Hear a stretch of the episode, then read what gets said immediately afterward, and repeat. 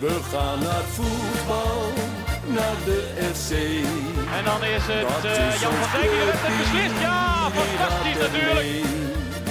Is tegen Ajax of bij een oor. Roestak en het is 2-0. Juichen wij als FC Roestak met zijn tweede. Juichen wij als FC Groningen weer scoort. Conforminder de podcast, aflevering nummer 3 van Conforminder Blijf Thuis. Mijn naam is eh, Maarten Siepel. Ik eh, ben natuurlijk online verbonden met eh, zowel Wouter Holsappel, Hallo. die een stukje kaas zit te eten op, eh, op beeld, kan ik zien. Wil je dat niet En, dicht bij die microfoon doen, alsjeblieft? oh ja, ik heb mij een keer uitgelaten over eh, praten voordat je geïntroduceerd bent, maar ik moest hier even ingrijpen. Ja, want eh, Thijs Faber is er natuurlijk ook, eh, konden de mensen al horen. Mooi. Nou, het is eh, natuurlijk eh, ja, bijna vijf jaar geleden dat eh, FC Groningen op zondag 3 mei 2015 eh, de KNVB-beker won in Rotterdam. Door met 2-0 te winnen van eh PEC. Twee doelpunten van, van Albert Roesnak. En nu is er vorige week een boek verschenen, genaamd Cupcourts, over deze historische dag. En dat moeten wij natuurlijk gaan bespreken met de schrijver Robert Visser. Mooi, goedenavond. Ja, Oh, nee, dat goedenavond. moest je niet zeggen, hè? Want Ja, je kan het ook op een andere tijd. Goede, goedemiddag en goedemorgen. Goedemorgen. Ja, eh, Mensjes. Dag luisteraars. Dag, Allereerst, eh, eh, Robert, ehm, ik las op de site van de supportsvereniging dat het boek eigenlijk op eh, 3 mei zou verschijnen. Op de dag dat het precies vijf jaar geleden was. Ehm, ja, waarom is er uiteindelijk besloten om het boek toch nu iets eerder uit te brengen? Ja, ik heb het een jaar geleden eh, aangekondigd. En toen was het eh, idee, het moet er voor 3 mei zijn. Dus ehm, ja, ik weet niet meer hoe we dat precies geformuleerd hebben. Maar de dat is wel gelukt. Ja, precies, dat is gelukt. Nou, dat was ook best wel een klus trouwens. Dat was dan wel echt eh, hard werken. Maar eh, nee, ja, we wilden het heel graag voor 3 mei eh, uitbrengen. Zodat het er zou zijn voordat, we, voordat we konden vieren dat het vijf jaar geleden was. En Ehm. eh, het was ook de bedoeling om dat met een soort van presentatie te gaan doen, toch? Klopt, ja. En dat was eigenlijk iets waar ik me wel heel erg op verheugd heb. eh, ehm, de, de boekpresentatie. Kijk, ik heb voor mijn boek heel veel verschillende mensen geïnterviewd. Eh, mensen eh, van de Z-site, eh, ook van de, van- van, de ultragroep van toen Groningen Fanatics. Mensen op de familietribune. Eh, ja, een heel, heel breed deel van de supporters. Ehm, en met mijn boek wil ik al die mensen eigenlijk ook een beetje met elkaar ver- verbinden. We, we hebben allemaal de bekerfinale toen samen beleefd. En in mijn boek eh, ja, breng ik dat ook heel erg naar voren. Dus hoe, hoe gingen mensen samen naar de Kuip toe? Hoe hebben ze dat samen beleefd? Hoe hebben ze bijvoorbeeld de Corteo voor de wedstrijd tegen Excelsior beleefd? Ehm, en het leek mij het allermooiste om bij de boekpresentatie weer zo'n afspiegeling te hebben van al die FC Groningen supporters. Eh, mensen die met elkaar in gesprek kunnen gaan, eh, die ik uit kan lichten dan bij zo'n boekpresentatie. Dat leek me te gek. Dus het is best ja, het is volkomen begrijpelijk dat, dat die presentatie nu niet door kan gaan natuurlijk. Maar het is, ik vind het wel heel erg jammer. Ja, eh, als we, als we even teruggaan naar die dag, die 3 mei 2015. eh, ja, voor jou Robert, hoe, hoe zag die dag er voor jou uit? Hoe, hoe heb jij die dag beleefd? Ja, nerveus. Ik was echt. eh, ik denk dat ik niet eerder zo nerveus was voor een voetbalwedstrijd. Ik was lang niet gerust op dat we zouden winnen. Ehm, ja, ik, volgens mij heb ik die nacht amper geslapen. S ochtends lastig eten en daarna wachten. Gewoon maar wachten totdat je naar het stadion kan. Ehm, ik ben vanuit Rotterdam gegaan. Dus dat, en dat is iets dat vind ik achteraf best wel jammer. Ik had het liefste eigenlijk wel met de, was ik met de bus gegaan. Eh, maar goed, ik ben, eh, ik ben met de tram naar het eh, stadion gegaan al heel vroeg. En eh, met mijn vader. En dat, dat Want jij ik- woont in Rotterdam, hè? Dat, Ja. het is niet dat jij daar op Nee. straat geslapen hebt, zeg maar. Niet, nee, nee, zo erg was het net, nog- nog net niet. Nou ja, slapen deed ik sowieso amper. Dus, nee, ik woon in Rotterdam, dus eh, ehm, helemaal niet zo heel ver van de Kuip vandaan op dit moment. Toen ietsje verder. Maar ehm, nee, ja, ik, ik kon er gewoon met de tram heen. Wat zei je? Mooi stadion. Ja, ja, ik noem, ja het is een prima stadion. Ja, ik vind Ik, het eh, vind dat, eh, vond na ik een de- mooi stadion. Ik vind dat na de Euroborg het mooiste stadion van Nederland, maar dat is mijn persoonlijke mening. Ja, ik, vind- ik- voor mij mist het een, ik vind het de Kuip een, een prachtig stadion, maar voor mij mist het dat het midden in een, in een wijk ligt. Ik hou van stadions die, eh, ja, zoals het kasteel eh, dat wel heeft, bijvoorbeeld van Sparta of eh, het stadion van Go Ahead. Ja, net zoals Ja, dat, ik, eh, ik de- snap dat op zich wel, maar ik, ik vind het eh, elke keer als ik in die Kuip kom, dan elke keer ben ik ook wel een beetje geïntrigeerd door dat stadion. En dat is, het klinkt heel cliché allemaal, maar eh, zo voel ik dat wel echt. Ik weet dat wij er vorig jaar met die uitwedstrijd eh, Feyenoord-Groningen weer waren. Toen heb ik ook tegen Maarten gezegd van ja, dit is toch wel echt een grandioze bak hoor. Ja, ja het, is, het is indrukwekkend. Het is ook mooi dat het helemaal ja, zo mooi rondloopt, eh, goed overkapt. Eh, slechte catering, weet je wel, dat is ook allemaal, ja, dat vind, daar hou ik dan ook wel weer Het hoort er van. allemaal bij, ja. Ja, dat je een heel eind moet lopen. Vol- Volgens mij moest, was er nou de laatste keer dat we naar beneden moesten lopen en dat, er, eh, dat, dat de pinautomaat het niet deed en dat er niks was. Eh, ja. Ja, daar, Vind er ik was één weer pinautomaat voor het hele vak en die hadden ze laten vallen. Oh ja, dat was het. dus ja. die was kapot. ja. En ze hadden voor volgens mij 300 Groningen sports hadden ze ongeveer 10 frikandellen ingekocht. ja, ja. En, En, en- we en we kregen een kopje thee weer, toch? Toen we kwamen. Ja, we koffie? kregen een gratis kop koffie, maar die was zo heet dat die voor het einde van de wedstrijd nog steeds niet op drinkbare temperatuur was. Ja, schitterend. Ja. Was wel leuk trouwens, want Martin Drenthe stond toen ook eh, bij ons in het uitvak. Ja, klopt. Oh ja, klopt. Ja, ja. Maar die moest niet zoveel van de koffie hebben, geloof ik. Nee, we, nou ja, laten, dat we laten we weten verder allemaal maar in de midden. Ja, precies. Nou ja, dat, is niet toch, onze dat is toch collega's pure cult. Ik bedoel. Martin Drent in de Kuip is sowieso schitterend, hè, met die goals die hij daar heeft gemaakt. En eh, dat hij daar dan gewoon met een biertje tussen de uitsupporters staat. eh, ja, dat, eh, dat vind ik ook wel heel erg mooi. Nee, maar het, het stadion is natuurlijk wel, ja, ik, het, het is wel het, het grootste, van de grote stadions in Nederland is het wel de meest indrukwekkende, vind ik. De arena Maar- vind ik, vind ik helemaal niks. Het stadion van PSV vind ik, ja, heeft wel wat, maar is, is, is minder Is groot. functioneel. Ja, precies. En de Kuip heeft wel echt, he- echt wel uitstraling. Ja, je zei dat je, dat je er eigenlijk al heel vroeg was. eh, ja, voor Ja. de wedstrijd heb je ook heel lang voor het stadion moeten wachten totdat er een beetje medesupporters eh ja, aankwamen. Nee, nou zo vroeg was ik er dan misschien ook weer niet. Eh, ik, heb voor, mijn boek, voor mijn boek heb ik de boeren gesproken die op de trekker naar de Kuip zijn gegaan. Die waren er echt het allereerste. Namelijk midden in de nacht. Ehm, maar nee, toen ja, ik kwam aan en toen kwamen er he- heel veel eh Zwollenaren en Groningen eh, supporters aan. En die liepen allemaal gewoon vrolijk door elkaar. Dat was eigenlijk ook eh, prima, niet zoveel aan de hand.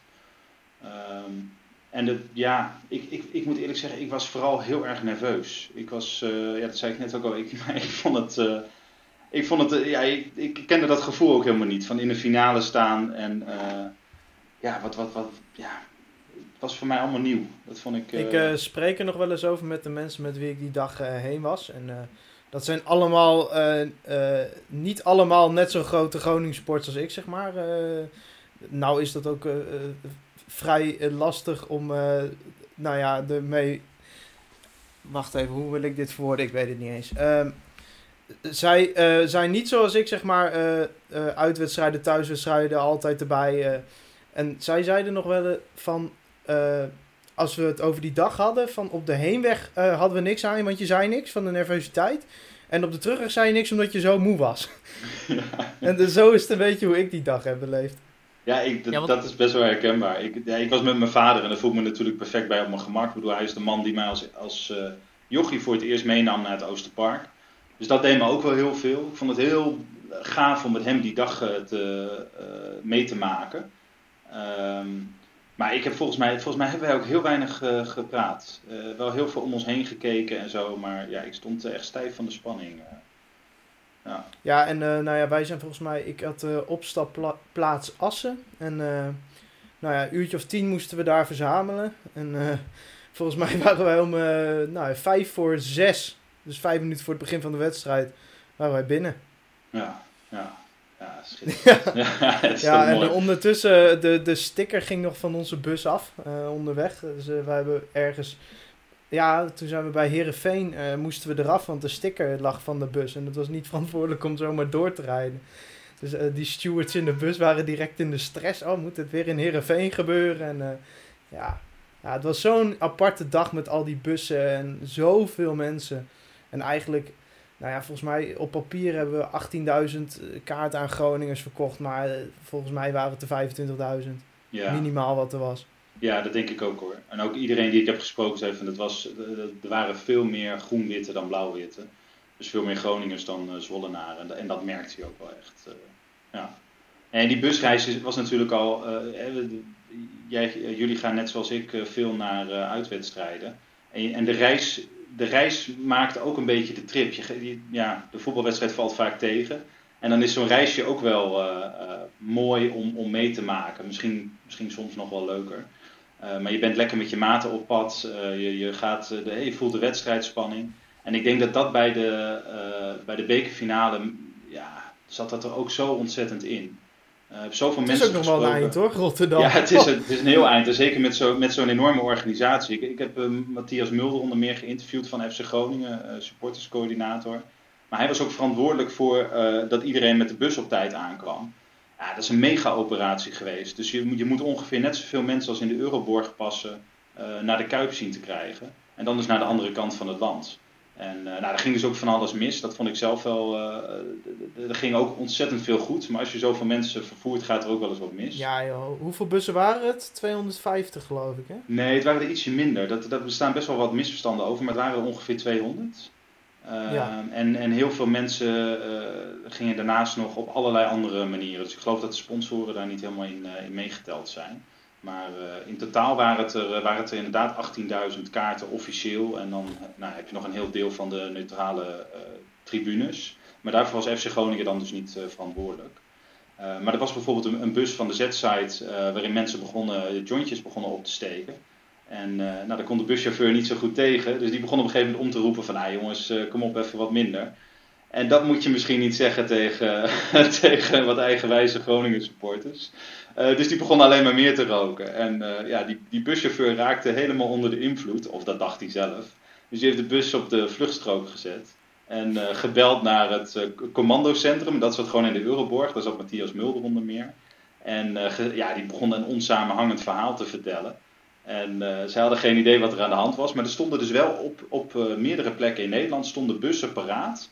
Van, vanuit FC Groningen, die dan eh, ja, dus eventueel mensen konden meenemen. Er werd meer gedacht van tevoren. Ja, stel je nou voor dat de bus een lekker band heeft. Dan moet, ja, die moeten, die, moet zo'n, moeten de supporters in die bus niet eh, de, de bekerfinale missen. Dus, eh, maar ja, in dit geval ging het om een, eh, een buschauffeur die, eh, die, eh, die ja, eigenlijk te veel eh, eh, wiet had eh, ingeademd. Dus daar hadden ze geen rekening eh, mee gehouden. Maar goed, daar was dus wel een oplossing voor. Ehm, en ik heb uiteindelijk meerdere verhalen gehoord. Dat hij eh, wel is vervangen, dat hij niet is vervangen.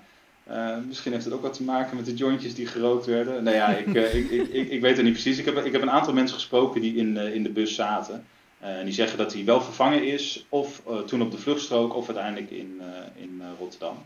Maar ja, ik vind zoiets hoort ook wel weer bij, bij zo'n busreis. Dat is is wel weer ook een het mooi verhaal, verhaal. toch? Ja, precies, precies. En ik heb Nou, dus iemand ons- gesproken, dat vind ik zelf dus wel grappig, die eh, vanuit eh, Rotterdam naar Groningen is gegaan. Toen met de bus van Groningen naar Rotterdam. Toen weer met de bus terug naar Groningen. En toen weer met de auto terug van, Rotterdam, of van Groningen naar Rotterdam. Die kwam dus uit Rotterdam, net als ik, en die heeft wel die busreis gedaan. Maar die heeft, eh, nou, ik weet niet hoeveel kilometer afgelegd eh, die dag. Maar deed hij dat omdat hij eh, moest, omdat de autokaarten op waren? Of deed hij dat omdat hij het mee wilde maken? Nee, ze wilde het meemaken. Ze had, ze had eerst gewoon autokaarten. En die heeft ze uiteindelijk omgereld voor buskaarten. En ja, Ja, dat, ja. Vond, dat vond ik ook wel een heel gaaf verhaal.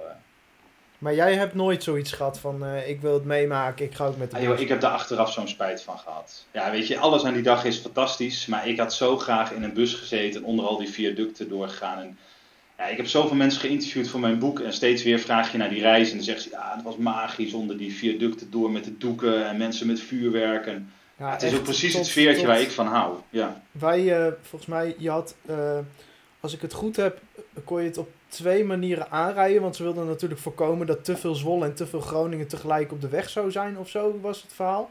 Eh, wij zijn dus via de polder gegaan, zoals ik al zei, via Heerenveen. Ja, en het was echt tot diep in Friesland eh, stonden mensen nog op de viaducten.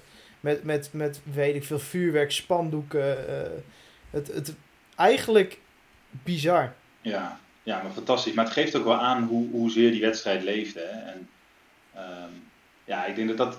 Het is, ik weet niet hoe dat bij jullie is, maar ik denk daar ook wel. Ik, denk- ik denk daar echt nog heel vaak aan terug. Van wat we toen met z'n allen hebben neergezet als supporters.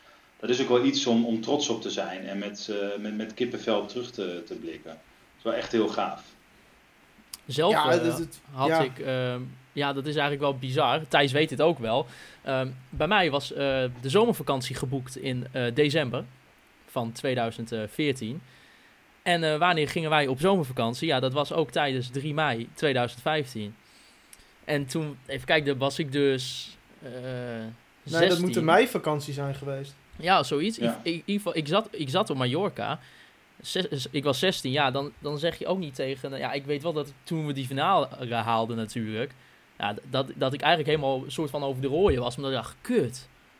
Weet je, we zitten nu eh, in die finale en je zit op Mallorca. Ja, mijn Oh. vader zat op een boot naar Engeland. Die moest ik via sms op de hoogte houden. Maar ja, Ja. weet je, ja, dan, ben je, dan ben je 16 en dan kan je ook niet eh, zeggen van, eh, tegen je vader en je moeder van, eh, ik ga niet mee. Dus ik, ik heb zelf, ehm, ja, heb ik het allemaal meegekregen op Mallorca toen. En hetzelfde geldt ook voor die, voor die huldiging uiteindelijk.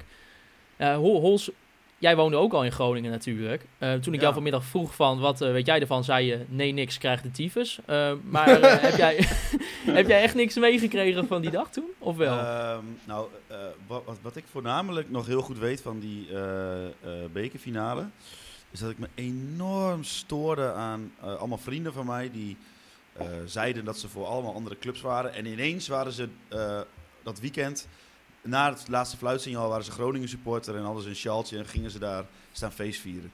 Dus dat is eigenlijk nog het enige wat ik me echt goed kan herinneren van die bekerfinale. En eh, ja, de afgelopen 10 minuten heb ik ook weinig gezegd. Dus nou, dat, dat, dat zal zo blijven, denk ik. Jij was te druk waarschijnlijk met borrelen en kaassoevlees eten toen, of niet? Nou was ja, dat in studententijd? Ja, of ik nou eh, heel veel bij te dragen heb aan deze podcast of niet, ik vind het wel gezellig. ik, eh, het is voor mij een soort live, live eh, throwback naar de, de bekerfinale. Ja, want toch ook voor de mensen die dat misschien nog niet weten. eh, Wouter is niet voor FC Groningen, die is voor Ajax. Ehm, wel lid van de supportersvereniging van FC Groningen. Ehm, ja, eh Hols, heb jij je seizoenskaart al gekocht voor volgend seizoen al? Nee, nee, nee, nee, nee, nee, nee, nee. Dat is, nog- dat is, nog, dat is nog een stap te, stap te ver. Ja, nou ja, ooit krijgen we hem zover, eh, denk ik, Thijs. Hè? Nee, maar wat, wel, wat ik nog wel eh, meer weet van die eh, bekerfinale is dat ik eh, een jaar eerder zat ik in de, in, de, in de Kuip. En ik weet niet of jullie die wedstrijd nog kunnen herinneren. Heel was, goed. Was ik ook bij. Ja. Ik, ik was er niet bij, maar ik herinner me nog wel. inderdaad. Maar in ieder geval, het enige wat ik, dus ook, wat, wat, wat ik voornamelijk dacht is van... Oh, als die Eikels uit Zwolle, waar ik overigens geboren ben, maar niet Ja, ik wil zeggen, ja, als geboren Zwollenaar moet daar toch trots hebben staan. eh, juichen, 5-1 hè?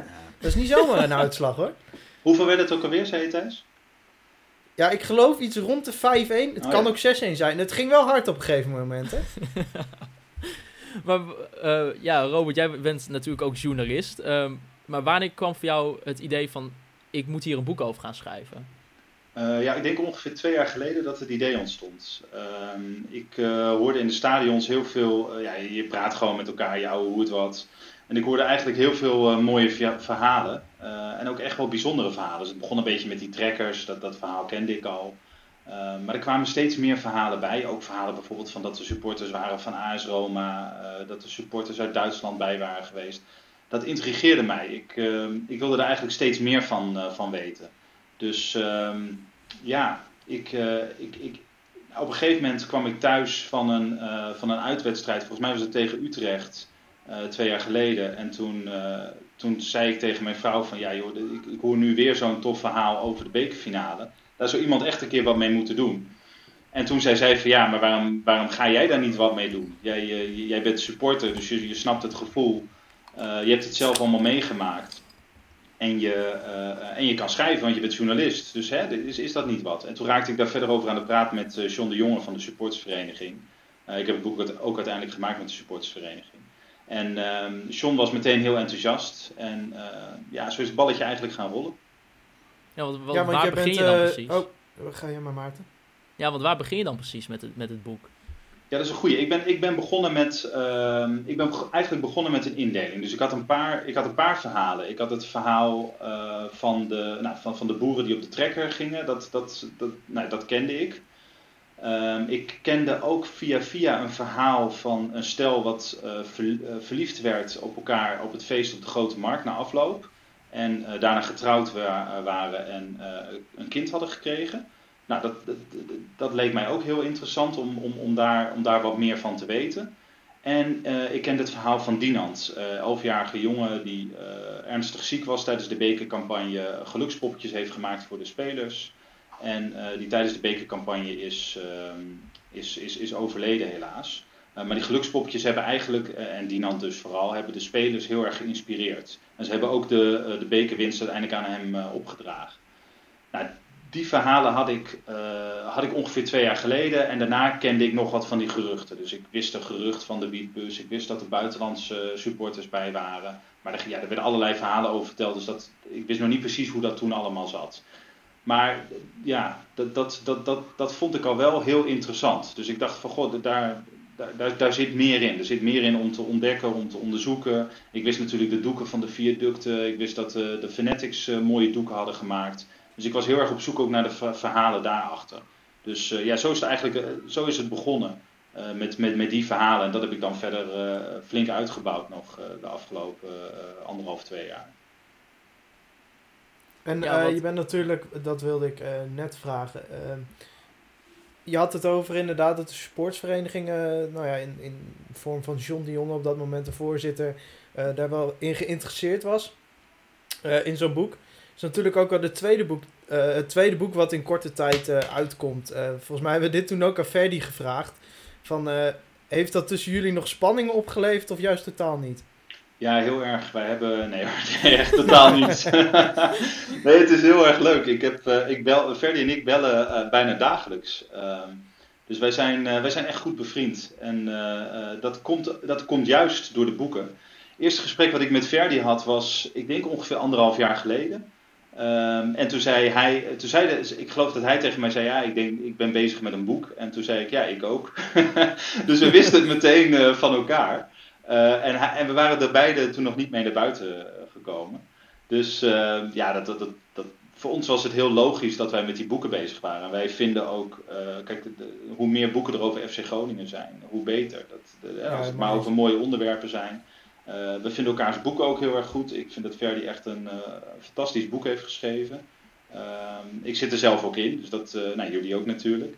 Maar nee, ik, ik ja, Verdi en ik mogen elkaar heel graag. We zijn, ja, dus, dat is, dat, dus dat, daar is geen, totaal geen spanning. Sommige mensen denken dat wel overigens. Ja, wordt het vaker aan jullie gevraagd? Ja, nou, nou, het grappige is toen Verdi naar buiten kwam van dat hij dat boek aan het schrijven was. Toen waren er echt mensen die tegen mij zeiden, hé, hey, er is nog iemand met zo'n boekje. Ja. En uh, nou, ditzelfde, diezelfde vraag kreeg Ferdi dus ook van. Wie is die visser dan opeens? Nou ja, dus dat, ja. Nou ja, dat, is, dat is wel geestig. Maar nee, ja, wij hebben voor, voor ik, ik heb Ferdi's boek voor een deel gelezen voordat het gepubliceerd werd. En hij heeft mijn boek ook voor een deel gelezen voordat het gepubliceerd werd. Juist om elkaar te helpen en feedback te geven, tips te geven, dingen door te spreken. Dus ja, er is een mooie vriendschap uitgegroeid. dus dat is wel heel fijn. Ja, het is natuurlijk ook gewoon een, een hele mooie ontwikkeling eigenlijk dat supporters nu eigenlijk vanuit hun beleving ja, boeken gaan schrijven. Gewoon niet iets tastbaars, zeg maar. Iets wat je in de kast uh, hebt liggen. Ik, ik, kijk even naar links, daar heb ik uh, een arsenaal aan FC Groningen boeken liggen. Maar dat komen er steeds meer bij. Ik vind het, uh, ik vind het echt goede ontwikkeling wat dat betreft. Ja, dat we daar een mooie bibliotheek van maken. Dat, ja, ik nee, en er zijn ook, dat is ook wel leuk trouwens. Eerder heeft Nico Zwart bijvoorbeeld Volgens mij was dat met Bas Kamminga en misschien vergeet ik dan nog iemand, maar de Europese Droom gemaakt. Ja. Wat ik echt een van de beste uh, voetbalboeken vind uh, die ooit gemaakt is. Het gaat over de Europese wedstrijden van FC Groningen. Dat is de enige die ik niet heb liggen ongeveer. Oh, nou die, die kijk, uh, probeer eraan te komen. Um, erg leuk boek. Gewoon over hoe supporters de wedstrijden hebben beleefd in het buitenland. Hoe de spelers het hebben beleefd, hoe de, hoe de, de trainers het hebben beleefd. Um, met, met hele mooie afbeeldingen ook. Dus dat, uh, nee, die, de, de, de, onder de FC Groningen boeken zijn er behoorlijk wat geslaagd, uh, uh, vind ik. Dat, dat is echt heel erg leuk. En van, ja, van al die ja. mensen die je hebt gesproken voor het boek, wie was nou eigenlijk een beetje ja, de lastigste persoon om überhaupt mee in contact te komen? Poeh. eigenlijk wilde iedereen meedoen. Ik was, weet je dat ik van tevoren wel, vond ik dat wel spannend. Dacht ik van, goh, wil iedereen wel meewerken? Uh, ik wilde heel graag dat Erwin Koeman bijvoorbeeld het uh, voorwoord zou schrijven. Um, omdat hij de beker had uitgereikt. En voor mij is hij wel een.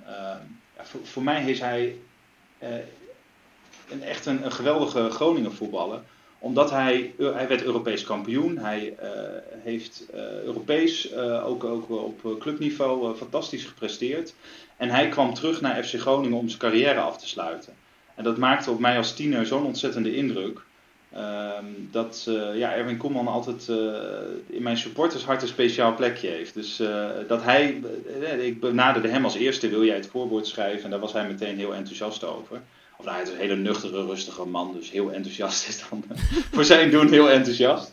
ja, ja daar, daar kwam het eigenlijk op neer. En ik heb hem nu een paar keer gesproken ook. En ja, nou ja dat, dat is zijn karakter.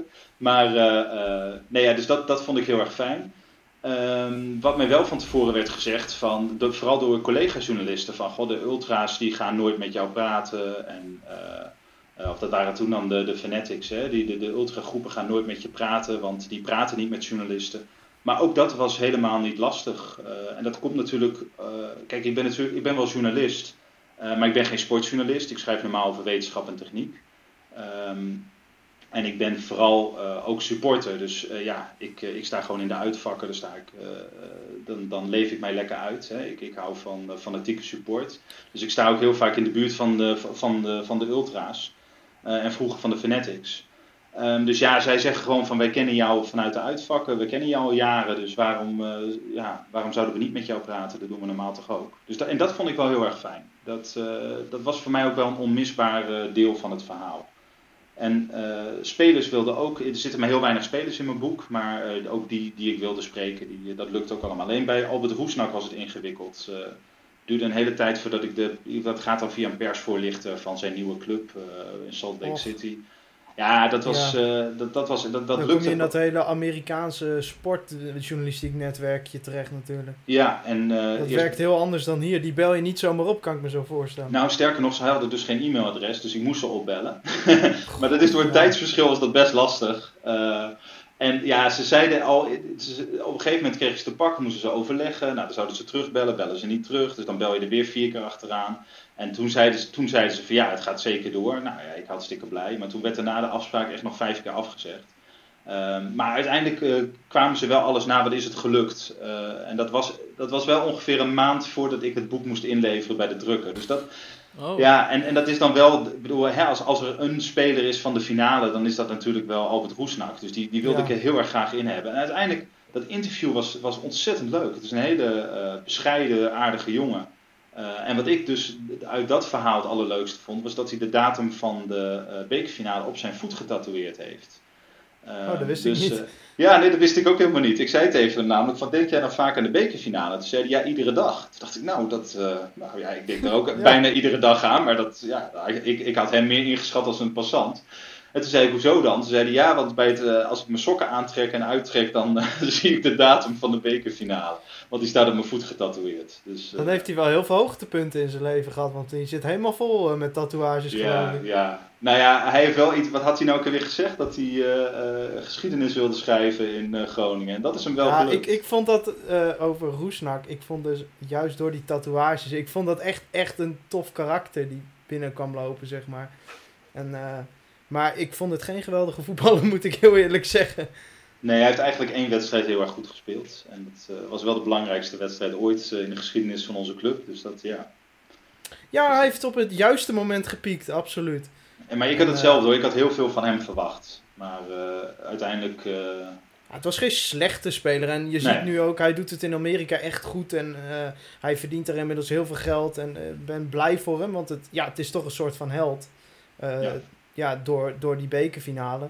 Maar ik, het is nooit mijn favoriete voetballer geweest. Ja, misschien in de, in de aftermath van die bekerfinale een beetje.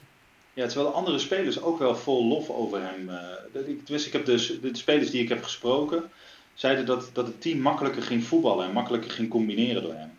Terwijl ik vond dat hij de bal iets te, iets te vaak vasthield. Maar eh, nou ja. ik heb ook van der Looy gesproken en die had ook eh, iets andere opvattingen over hoe FC Groningen moest spelen dan in vergelijking met mij. Dus eh, die, voetballers beleven, die voetballers beleven dat anders dan wij vanuit het stadion. Dat is wel weer duidelijk.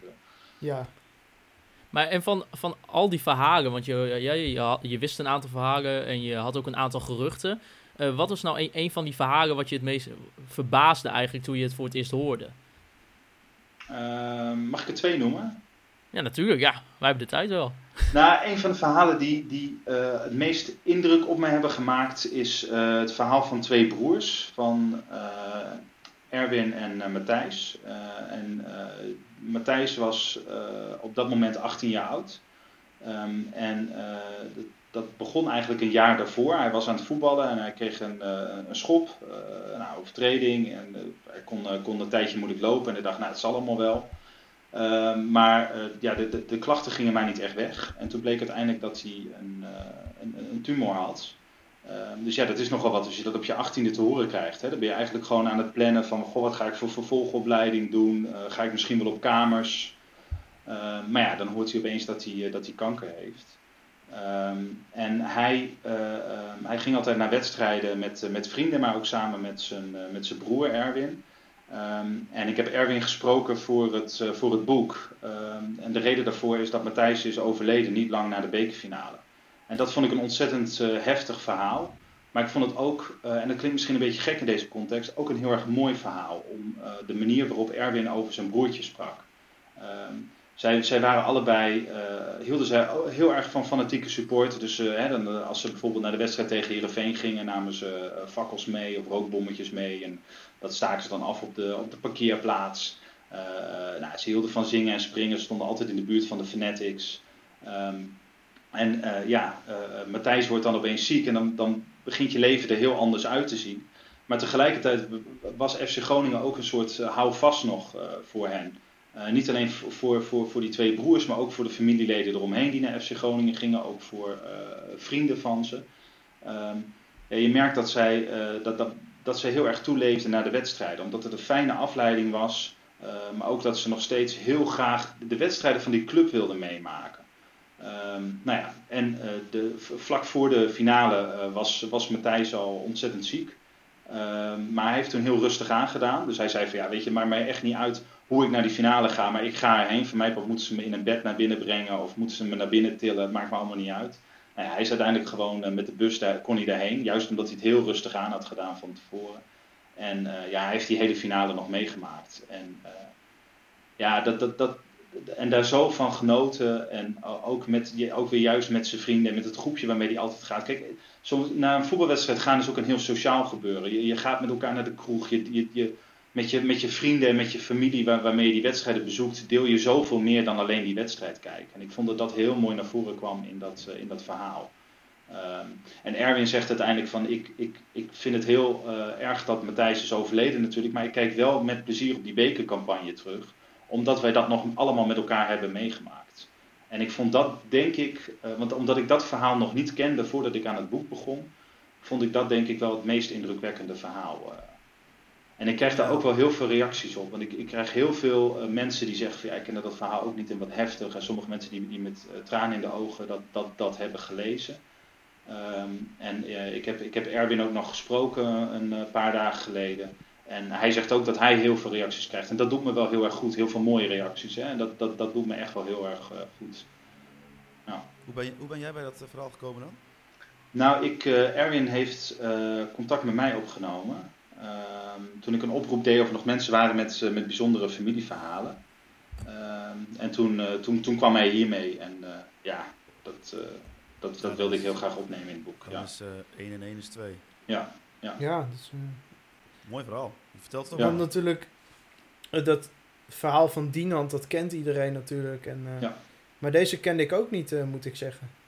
Nee, en het, en het mooie is, uh, tenminste dat vind ik hier ook heel, heel uh, er zijn een paar hele mooie eerbetonen ook in het stadion geweest aan Matthijs. Uh, Erwin is bij, de, bij, de, bij de ultra's gegaan. Um, ook omdat zij dus allebei eigenlijk die support hadden, maar ze vonden dat vroeger een beetje spannend toen ze nog wat jonger waren. Dus dan stonden ze daar wel in de buurt, maar ze maakten geen onderdeel uit van de Fanatics.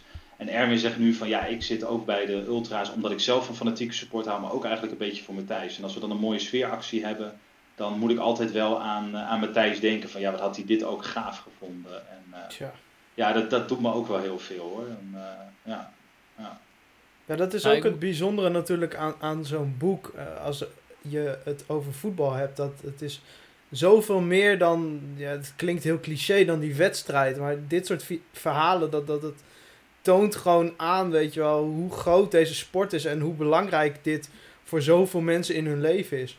Ja, en ik denk dat dat sowieso, wat als je dat iets breder trekt, uh, um, er was ook iets geks aan de hand hè, tijdens die bekerfinale, want Groningers kennen we normaal altijd als uh, behoorlijk cynische supporters die mopperen, die een club naar beneden halen. Maar tijdens die bekerfinale was dat eigenlijk helemaal weg. Die weken daarvoor, weet je, er was een en al positiviteit. Vooral heel veel trots van kijk ons eens even. Wij staan eindelijk een keer in de finale. Heel Nederland kijkt naar ons. En uh, ja, we, we, liepen eigenlijk met de borst vooruit. Van, iedereen mag zien dat wij uit Groningen nu een keer een kans ergens op maken. Het was niet eens dat we dikke snakkers werden of zo. Maar het, ja, het was wel dat, dat, we, dat, dat we dat allemaal heel mooi vonden. Het was, ja, en ik noem dat dan dat Groningers be, bevangen waren door de cupkoorts. Vandaar ook de, de, de titel van mijn boek. Ehm, en dat, en ja, ik, ik denk dat daar ook wel heel erg naar voren komt hoe mensen samen wilden optrekken, samen het juist wilden beleven. Er was ook eigenlijk helemaal geen gedoe tussen groepen, uh, zoals het normaal nog wel eens is. Uh, ja, het, er was een enorme saamhorigheid en, uh, en verbondenheid. Heb je een beetje het gevoel dat dat nu rond het boek eigenlijk ook weer, misschien in een wat kleinere variant, weer terugkomt? Want dat heb ik namelijk wel als ik er van buiten naar kijk. Want zie ik echt allemaal Hè, dus de club doet mee, de supportersvereniging doet mee. Ik zie echt wel een beetje weer van, van buitenaf van... Wow, ze pakken het echt met z'n allen op, zo'n zo'n zo'n herinnering. Ja, dat, dat klopt wel. Ik, het is, uh, ja, daar ben ik zelf wel heel erg trots op. Iedereen, uh, het, is, het is iets wat we echt met z'n allen hebben bereikt. En je merkt dat uh, iedereen ook weer, een heleboel mensen ook weer met elkaar gaan bellen. Hè. Bijvoorbeeld zo'n zo, zo voorbeeld van Dinant dat in, in dat hoofdstuk over hem komen, komt zijn moeder aan, aan het woord, maar ook de supporterscoördinator van FC Groningen, dus medewerkers van FC Groningen. Er komen spelers van FC Groningen aan het woord, maar ook weer supporters die met hem de, de, de ploeg hebben aangemoedigd. Hij mocht op een gegeven moment bij tussen de Fanatics staan. Um, en ik weet dat al die mensen hebben elkaar ook weer zitten bellen naar aanleiding van het hoofdstuk. En, en contact met elkaar opgenomen van weet je nog en oh jongen wat was dat mooi en wat was dat bijzonder wat we toen hebben, hebben meegemaakt. En dat, ja, dat is ook weer een beetje de verbondenheid waar ik het in het begin over had. Wat, wat ik in de, uh, bij mijn boekpresentatie heel graag wilde. Weet je, iedereen bij elkaar, dat leek me gewoon heel erg gaaf. Uh, van wij hebben dit echt met z'n allen meegemaakt. Een ander mooi voorbeeld is echt die Corteo, vind ik, uh, voor de wedstrijd tegen Excelsior. Ehm, de halve finale, waarin ook, kijk, het wordt dan georganiseerd door de Z-site en de Fanatics. maar daar, daar stond een, was een doek waar ze mee liepen vooraan, waar stond We Come As One. Um, en dat was ook de uitstraling. Weet je, de kinderen liepen ook mee, oude mensen liepen ook mee. Alles, alles door elkaar ging, ging, ging samen naar het stadion. En um, ik vind dat je die saamhorigheid ook wel heel vaak in, het, in, in uitvakken voelt. Dat, dat, je als uitvak eigenlijk een beetje opgefokt wordt omdat, omdat de rest van het stadion niet voor jouw club is of tegen jouw club is. En dan ga je ook met z'n allen erachter staan. Um, en uh, ja, dat, dat, dat, zie je nu ook wel. Ook, ook bij het boek, maar ook gewoon bij, de, bij, de hele, bij het hele terugdenken aan die, aan die bekerfinale.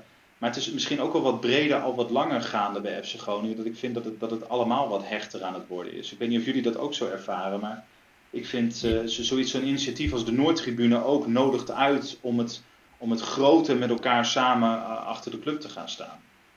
Ja, ik, ik, denk, ik, ik, ik zie dat ook wel inderdaad. Net wat je zegt eigenlijk door de ja, de, de oprichting eigenlijk van die Noordtribune en alles wat erbij is komen kijken, um, merk je inderdaad wel dat de sfeer ook beter is geworden. Gewoon op die tribune onderling, um, tussen ook de verschillende groepen die er waren.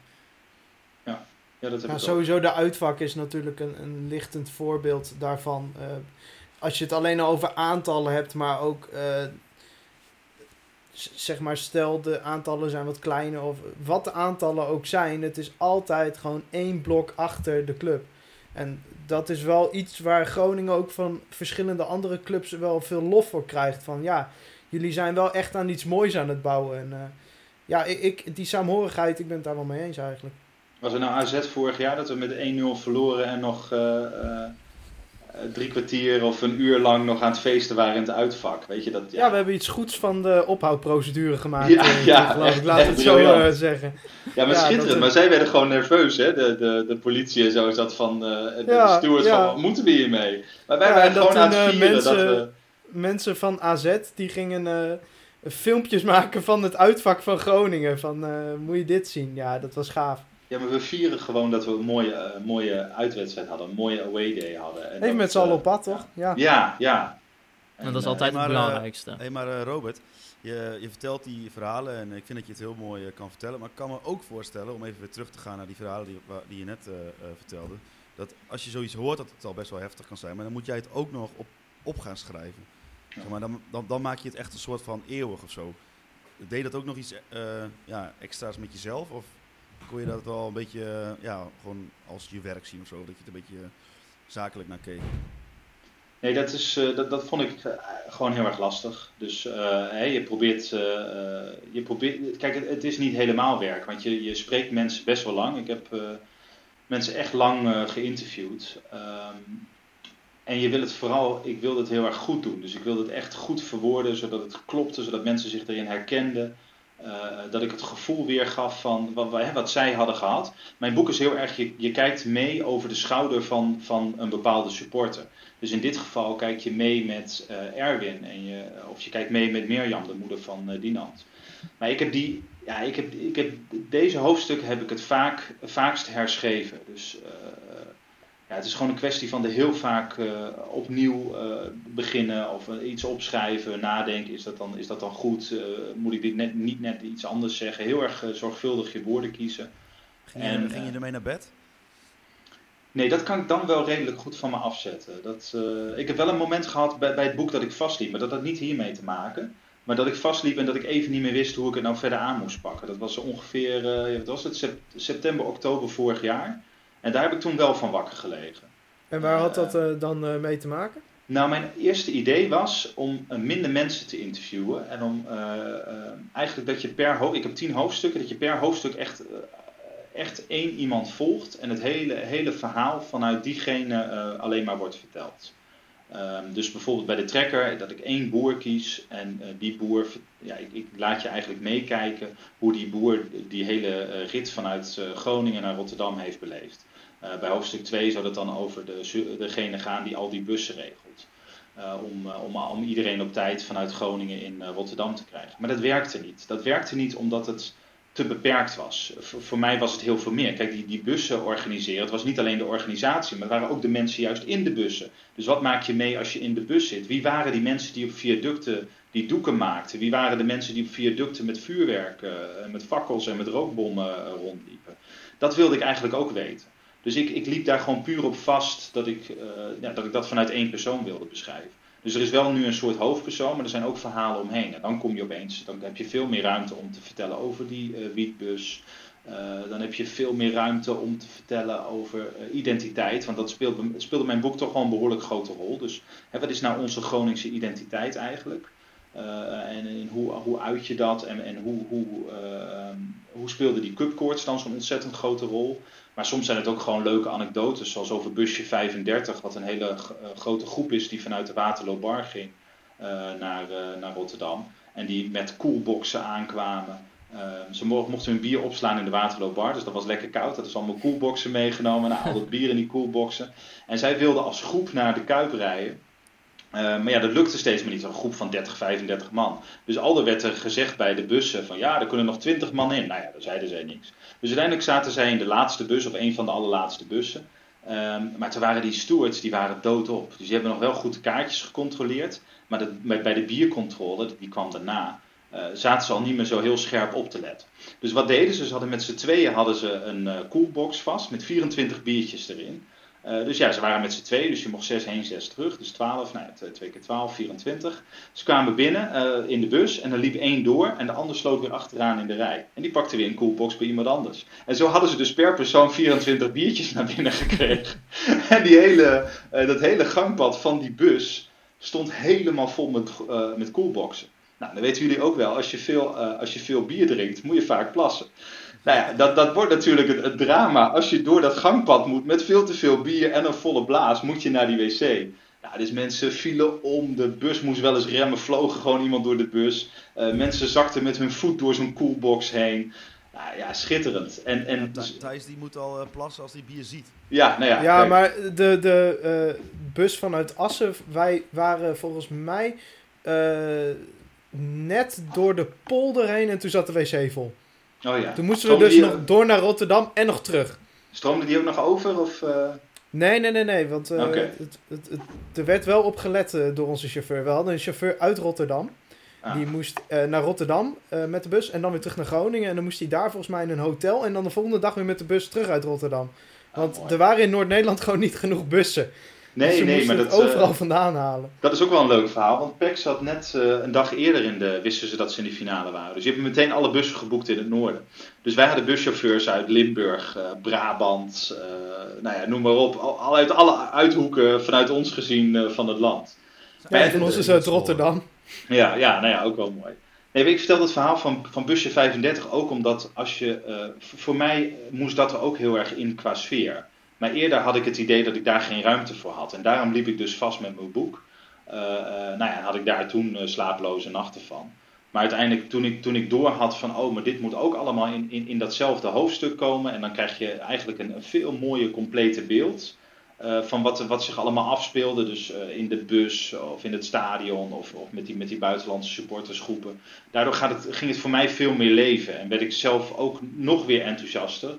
En eh, ja, toen ik eenmaal over die hobbel heen was, toen, eh, toen, toen, toen schreef ik het eigenlijk ook gewoon best wel makkelijk af. eh, op, die, op die twee hoofdstukken van, eh, die, die, wat, die wat emotioneler waren na dan.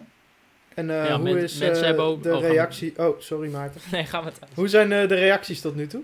Ja, nou ja, echt te gek eigenlijk. Eh, ik ben er een beetje beduust van. Ik, eh, ik krijg de hele dag door eh, eh, berichtjes, eh, eh, appjes, eh, mensen die ik helemaal niet ken, die me via, via de mail benaderen of via Facebook of via Twitter. met dat ze het boek zo mooi vinden. En ja, potverdikke jongens, dat doet best wel veel met je. Want ik, je, werkt, je werkt anderhalf, twee jaar aan zo'n boek. En dat doe je eigenlijk grotendeels alleen. Hè? Je, je, interviewt mensen en daar spreek je het ook allemaal wel heel uitgebreid mee door. Maar dat schrijven, dat is gewoon heel eenzaam. en dat, ja, dat doe je in je eentje. En, dan, en dan is het hartstikke spannend als je het gaat, eh, gaat uitbrengen. Dan denk je, ja, hoe gaan mensen reageren? Wat, wat, wat vinden ze er eigenlijk van? Het is toch een beetje je kindje, hè? En dan, daarna kan, gaat iedereen er wat over zeggen. Eh, maar ja, de reacties zijn, eh, zijn ontzettend positief. En dat is, dat is waar je natuurlijk van tevoren op hoopt. Ehm, maar dat is, dat is wel echt te gek. Daar ben ik zo ontzettend blij mee. ja. En als Heeft, deze eh, corona... Geert En, oh, sorry, gaan we weer maar. Verdomme man, die gast heeft al Ja. vijf keer door me heen gepraat. man. Ga jij maar... Nee, nee, dat heeft gewoon met de verbinding te maken. Nee, ik Ga wou, jij, ik wou, jij mag nu. Ik wou nog eh, een vraag van, van onze vriend van de show, Geert Bronsma, stellen. Want die, die, oh, maar Geert gaat altijd voor, dan hou ik mijn mond. Ja, nee, maar Geert die vroeg zich gewoon af of je ook nog eh, ja, reacties hebt ontvangen van mensen die niet FC Groningen supporters zijn. ja, heb ik. Ja, het, het leuke is, ik heb, Van ik heb het boek... Oh. Wat zei je? Ja, heb je, heb je het al gelezen, Wouter? Nee.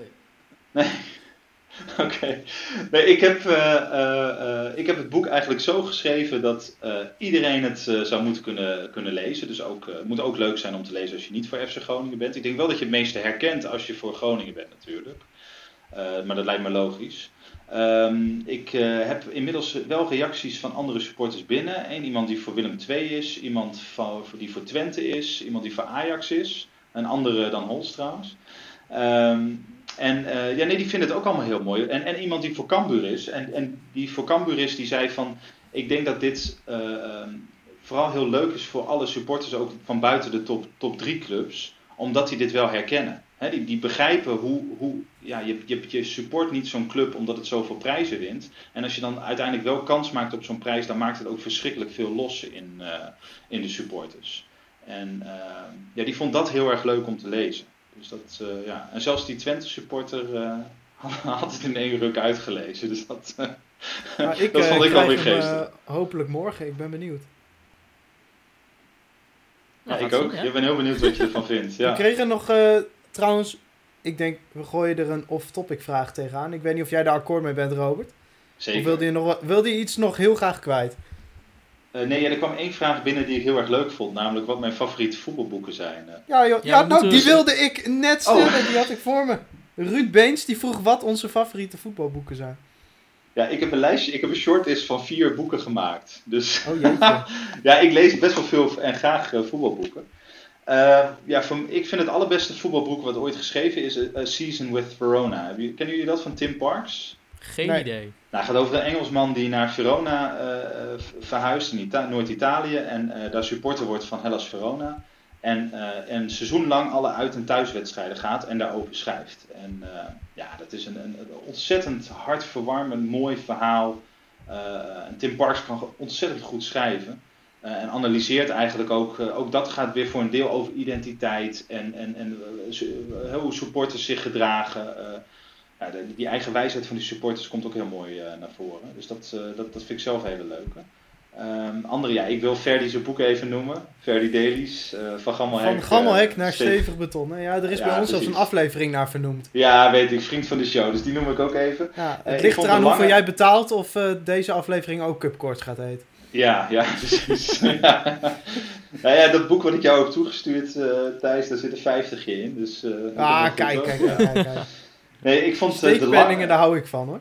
ik vond de lange een hele mooie biografie van, eh, van, eh, is het nou van Jan Siebelink.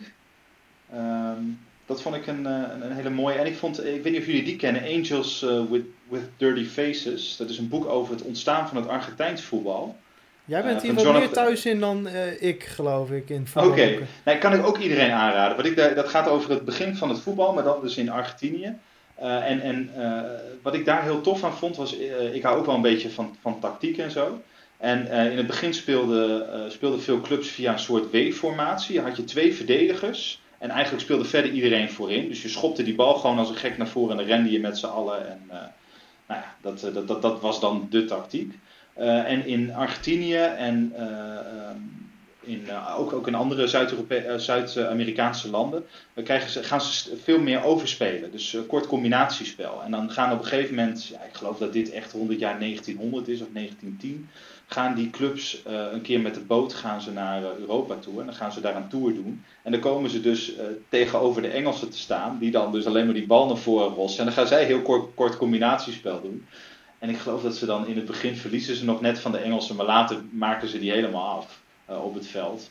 En eh, ja, dat vond ik zelf heel erg, heel erg eh, mooi. En eh, ja, een totaal andere sfeer weer van het voetbal. Maar dat vond, dat vond ik een heel mooi boek. Heb jij Ja, nog een ik boek heb eh, de biografie van Slatan gelezen, vond ik verschrikkelijk. Eh, ja, het, was om, om, om door te lezen eh, best, best grappig, maar ja, ik kan gewoon niet zo heel goed tegen Slatan Ibrahimovic, merk ik. Eh, verder, ja, ik zit even te denken, joh. Ja, ik heb het boek eh, van René van der Gijp gelezen. Ja, die heb ik ook gelezen. Het is een beetje de standaard. Dat vond ik een leuk boek. Ja, Eh, ik heb eh, eh, zelf eh, de, een beetje een haat-liefde verhouding met lezen. Dat is een beetje Ja, gek aangezien nee, ik ik ook, meer eh, een haat-haat eigenlijk. Aangezien ik, eh, je zou verwachten met mijn werk dat ik ook wel veel zou lezen, maar dat valt dus tegen. Maar er is eh, een onbetwiste nummer 1 voetbalboek voor mij en dat is Snelle Jelle in Oranje. Ja. Ja. ja. die heb ik vroeger ook gelezen, ja. Dat vond jullie ook, echt fenomenaal. Dat is zo spannend of die in moet vallen. Heb je ook de wondersloffen van Shaki ooit gelezen? Dat had je ook altijd. Ja, volgens mij wel. Ja, Volgens ik, mij heb, heb ik die ik, niet gelezen. ik, nee. ik zit even naar mijn kast te kijken momenteel. Ik heb eh The Secret Footballer heb ik ook nog eh, gelezen. Dat was wel een leuk boek. Dat eh, is een, eh, voetballer die op het moment van schrijven nog actief is in de voetbalwereld. En die gaat eh, anoniem vertellen over de voetbalwereld. Dus die vertelt, nou, hij begint het boek eigenlijk met van ja, eh, wat eh, critici altijd zeggen, voetballers doen het alleen maar voor geld. Dat is helemaal waar. Hij zegt, en we verdienen nog veel meer dan jullie denken. Je hebt namelijk ook nog dit, dit, dit, dit en dit. En dan zegt hij van ja, ik was een middelmatige voetballer ergens op het tweede niveau van Engeland. En wat ik binnenhaalde, ik schaamde me er soms zelfs voor. Ja, op zo'n manier eh, beschrijft hij eigenlijk die hele voetbalwereld. En hij vertelt verhalen over wat hij heeft meegemaakt. En ja, het, het, het is echt een krankzinnige ja, blik in de voetbalwereld. Zijn, er ook, zijn er ook onderwerpen waar jullie nog graag een boek over zouden willen lezen? eh, wat voetbal betreft. Een, een biografie of, een, of, of misschien wel weer een gebeurtenis of iets anders. Poeh. Oh, FC Groningen gerelateerd? Of, Nee, eh? ja, kan, dat kan van alles zijn. Ja, ik wel, ik wel. Maar ik weet niet of dat nu al kan. Maar ik zou heel graag een eh, boek lezen met alle anekdotes van Hans Nijland. ja, Ja. dat zijn er een vol, denk ik. Ja, Hebben jullie die al allemaal ja. gehoord? Nee, ja. Ik, eh, oh, ik heb trouwens over Hans Nijland gesproken. Ik heb eh, een boek hier staan. Daar staat hij in. Maar ik denk dat hij daar zelf niet zo heel blij mee is. Dat is namelijk een boek over voetbal en maffia. Ehm, Oh, ja, dat, gaat over, dat gaat over, eh, volgens mij had dat iets met de transfer van, eh van Kostic te maken. Eh, ik kan niet direct zeggen wat zijn betrokkenheid daarbij was. Volgens mij was het niet heel ernstig wat hij had gedaan. Eh, maar er was iets in dat het in Servië was hij niet helemaal eh, populair, geloof ik, door, bij de autoriteiten. Maar sowieso was dat wel een leuk boek, als we het dan toch over voetbalboeken hebben. Voetbal en maffia vond ik eh, erg interessant. Nou, ik heb zelf altijd nog wel dat ik... ehm, ja, ik weet niet of een van jullie die heeft gelezen, maar ik als United-fan wil altijd ook nog het boek van Sir Alex Ferguson lezen. Maar dat, Nee, dat ik heb ik niet nooit ik gedaan. Die heb ik voor je, die mag je van me lenen. Oh, is dat tof? Is dat een tof boek, Hols? Of weet je het niet? Dat weet ik niet. ja, Hij zegt hij heeft hem, hè? anders had hij wel gezegd. Ik, heb hem, ik heb hem al uit, had hij anders wel gezegd. Eh, ik ben echt een hele moeilijke lezer. Ja, ja, hetzelfde wel een Ja, maar jij hebt daar de concentratie ook niet voor, Nee, na één, en na één pagina, dan denk je, nou, het is mooi geweest. Ja, ja, nou. Ja, Ja, ik zag, dat, ik zag dat die van Robert, dat het een mooi dun ding was. Dat bevalt mij altijd wel. Nou, het is heel erg dat boek van Ferdy, dat heb ik dus ook nog niet helemaal gelezen. En dat betekent niet dat ik het geen leuk boek vind, maar ik heb, ja, zoals jij een haat-liefde verhouding hebt, heb ik meer een haat-haat, zeg maar. Stel nu al het internet op de wereld zou uitvallen en mijn laptop zou het niet meer doen, dan zou ik denk ik wel een boek gaan lezen. Maar op een of andere manier kan ik het nooit in mijn systeem krijgen om een boek te gaan lezen. Maar Thijs, anders dan eh, ga je het, eh, het nuttige met het onaangename combineren. Want jij houdt van podcasts en je houdt van audio-opnames. Waarom lees jij niet dat hele boek voor en maak je er een audio-opname van? Ja, Ga je ook Heel een luisterboek plan. uitbrengen, Robert? Nou, dat wil ik best wel doen, ja. En dan, eh, maar dan moet ik ook alle stemmetjes nadoen, hè, van iedereen die ik heb geïnterviewd. dat lijkt me dan ook zo apart. Nou, ik heb vroeger best wel wat... eh, Hans, Hans Nijland zit ook in mijn boek. luisterboeken En, eh, dus ja, dat- ja, Hans nadoen, dat zou misschien nog wel lukken. Nee, het... eh, eh, ehm, ja, ik, ik denk dat veel voetbalsupporters niet echt lezers zijn. Maar het is Oké, natuurlijk wel... Robert, vraag aan Ja. jou. Ja? Als één van ons drie jouw boek zou moeten inspreken als luisterboek, wie zou je kiezen? Oh, dan zou ik eh, voor eh, Maarten kiezen. Maar even voor de Zonder intro en twijfel. outro. Ja, precies. Gewoon dan weet je dat het goed begint. En dit was het boek Cupcore. Cupcoort. Bedankt voor het luisteren Bedankt naar luisteren naar. We kunnen wel up gaan roden, gewoon, als, eh, als geheel op gewoon onder het conforminder. Nou, Robert, dat wist jij Nee, ik, vind het wel, ik, ik vind het wel grappig dat je zegt over, kijk, eh, er zijn natuurlijk meer mensen die niet zo graag boeken lezen. Ik doe dat zelf trouwens wel heel graag. Maar wat ik het mooie vind van een, een, een, een, boek is dat het je helemaal mee kan nemen weer in die oude sfeer. Dat het, dat je, dat, het een soort mix wordt op een gegeven moment waar je over leest. Eh, zeker bij, bij voetbalboeken, dat het, dat het je, eh, en, en dan heb ik niet eens zozeer over die van mij hoor, maar gewoon eh, de boeken waarvan ik, waarvan ik de verhalen bijvoorbeeld nog niet ken. Dat het je meeneemt naar een sfeer die je wel kent, maar die toch net even anders is. Omdat het niet over jou gaat, omdat het niet over jouw club gaat. En, ehm, en ik vind dat juist ontzettend fijn aan boeken, dat je, dat je ja, er eigenlijk als het ware in kan verdwijnen. Zoals ook met z'n- Maarten eh, gaat alles eh, fout om. Ja, en ik, verslik, ik verslik me in mijn bier. En jij, Eh. jij bent er nog, Hols, hè? De enige Ja, die nog ik staat. ben Ja. Maarten gaat het goed, jongen. Ja, nee, ik moest even de laptop opraden erin doen. Anders had je, zo net, eh, anders had je straks een opname gehad eh, zonder intro en outro. Dan had Dat je überhaupt geen hebben. opname gehad. eh. Nee, oh, wacht, nee, we weten sinds jij de stekker uit de studio hebt getrokken een keer dat eh, Audacity slaat dat automatisch op. Altijd een backupje klaarstaan. Ja. Hey, maar, eh, hey, maar Robert, als mensen die het eh, boek nog niet hebben gekocht het willen kopen, waar, waar kunnen ze dat doen? Eh, dat kunnen ze doen op, op meerdere plekken. Online kan het bij eh, de sportsvereniging shop.svfcgroningen.nl. Staat ook in de Ehm, show notes hoor. Nou, perfect. En op onze website conforminder.nl.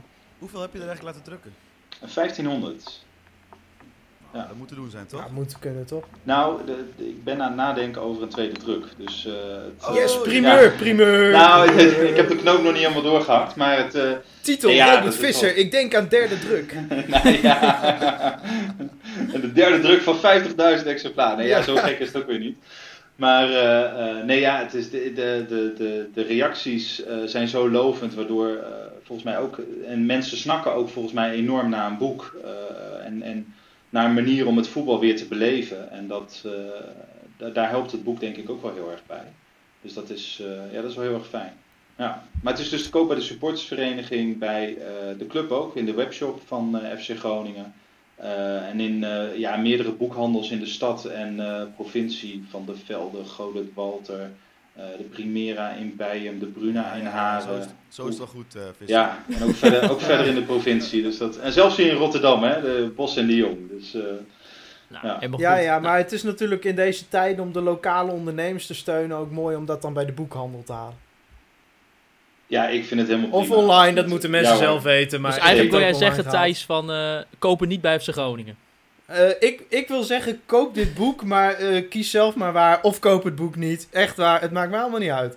Het is wel zo dat als je het bij mij bestelt, kun je het gesigneerd krijgen bij de Ja, ik heb ook om En die andere kan ik niet... eh, signeren gevraagd. Maar, Ja, ik heb, ja, ik heb bij jou een hele leuke tekst. ja, maar in, het is natuurlijk waardeloze service dat ik dat zaterdag bestel en vandaag, het is vandaag maandag, nog niet binnen heb. Ja, het ligt puur aan de post. Dat, eh, ligt zaterdag netjes... eh, Oh, dus ja, als, ik, als ik hem nog bestel bij de supportersvereniging, dan ga jij er iets voor mij inschrijven. zeker. Ja hoor, en voor iedereen die dat wil. Moet je wel even aangeven dat je dat wil. Ja, oké, maar dat is, voor, dat is voor mij persoonlijk is dat wel een mooie cliffhanger van deze aflevering. Ja, Ja, fantastisch. Nou, helemaal Zet goed, ik mooi iets om, eh, origineels in. helemaal goed om mee af te ronden. Eh, Maarten, we hadden het net dus. over onze website. Zullen we het daar nog even over hebben? Ah ja, doe maar. Men- het, duurt al, het duurt al een uur, Thijs. Maar het is jouw Ja, projectje, dus toch- ga nog maar even los. Wij hebben een We gaan het website. over, over Diemers hebben ook, maar... eh, Wij hebben een website. Nee, Diemers maakt niet uit. Wij hebben een website. Gewoon conforminder.nl. Ja, en daar kun je dus vragen insturen. En eigenlijk alles wat je met Twitter, Facebook en Instagram ook al kon. Maar nu hebben we ook een website. Daar doe je je voordeel mee. Nou, fenomenaal, Thijs. En hij ziet er strak uit, jongens. Eh, mooi gemaakt. Ja, jongens, ik heb het gemaakt. Zij hebben er niks Oh. mee te maken. Ja, wij hebben, wij hebben niks ik heb gewoon op een gegeven moment een link gestuurd en gezegd... Kijk jongens, we hebben een website. Ja, wacht even, ik ben even de boek aan het bestellen. Goed. Nou, daar sluiten we hem eh, denk ik dan bij af. Eh, Robert, bedankt dat je tijd kon vrijmaken ja, voor het promoten van je boek. En even met ons te kletsen over deze historische dag natuurlijk van eh, 3 mei 2015. Ja, graag gedaan, jongens. Ik vond Kun je het, even eh, een Matthijs van Nieuwkerk eh, voor mij doen, Maarten? Hé, hey, hallo, waar moet ik er nou Dat bij ga ik zetten dat, doen. Ik, eh, dat ik tekst wil dan? Want dat Kijk, Ah, nee, je ik zie die van jou wel binnenkomen. Dan moet je zo het boek pakken Volgens mij kun je de opmerking plaatsen. En zeggen... eh Cupcourts van Robert Visser is vanaf nu in alle winkels verkrijgbaar. En dan zeg je tot zover, tot morgen. Nou, tot zover, tot de volgende keer bij Conforminder de podcast. En eh, nou ja, wacht even, volg natuurlijk ook nog even de podcast op eh, Spotify, Soundcloud en Apple Podcasts. Laat daar ook eh, graag even een, ja, een recensietje achter. Dat helpt ons ook weer. We hadden een recensie gekregen hè, na onze oproep vorige keer. Ja, wel één volgens mij. Ja, maar we staan nu dus weer op een 5. Want we stonden op 4,5 uit de 5. En toen heeft iemand ehm 5 sterren gegeven. En sindsdien staan we weer op 5 gemiddeld. Dus dank daarvoor. Nou de, ja, dan... Zou ik de recensie ook nog even voorlezen? Dat zie ik in veel Nee, podcasts nee, het is nu klaar. Nee, maar het is heel kort. Ik ben er helemaal klaar mee, Thijs. Ja, maar ik Maar moet ik- even de Als je nou al een Ja, recensie hebt gegeven, kan je dan nog een recensie geven of niet? Ja, je kunt unlimited doorgaan. Deze recensie is van eh Wouty81. Eh vijf sterren. De titel is Heulen Schieren. En eh, er staat Luisteren mensen. Nou, klasse, dan... eh, ik had het Wouter, zelf niet beter kunnen zeggen. Wouter heet hij, hè, zeg je? Wouty81. Ja, nou, dan wil ik die eh allereerst natuurlijk bedanken. En natuurlijk ook nog even als laatste, want dan ga ik hem toch echt afsluiten, want ik ben helemaal klaar mee, Thijs. Eh, Oh, jullie wacht, allemaal wacht, wacht, bedanken. Wacht, even, wacht even. Oh, Robert, je, jongens, je- hou je- ik ga nu betalen. Ik ga nu betalen. Je kan Ja. weer eten morgen. Yes, yes. Nou, het, nou, het, het komt niet meteen, dat geld komt nog niet meteen bij me binnen. Dus dat... Nou, dan kan Sean kan eten morgen. ja. Nee, nee, dat gaat via een of ander betalingssysteem. Molly. Maar, eh, dat komt goed. Bedankt Wouter, eh, hartstikke leuk. Kijk, Molly, ja. Ja, dat klopt, is, ja, eh, Molly. ja, die pakken nog een percentage ook. Ja. Dus jij bent eigenlijk nu ook Molly eten aan het geven. ja, ja, dat ook gewoon En zo via de laten app- we de economie... Via de app had je het kunnen bestellen, Hols. Bestelling afgerond. En als je vraagt waar de, eh, wil weten waar de T voor staat in WT Holzappel, dat is voor de volgende aflevering. Oh, heerlijk. Wat een clip. En bedankt voor het luisteren naar Conforminder de podcast. Juichen wij als FC Groningen weer scoort.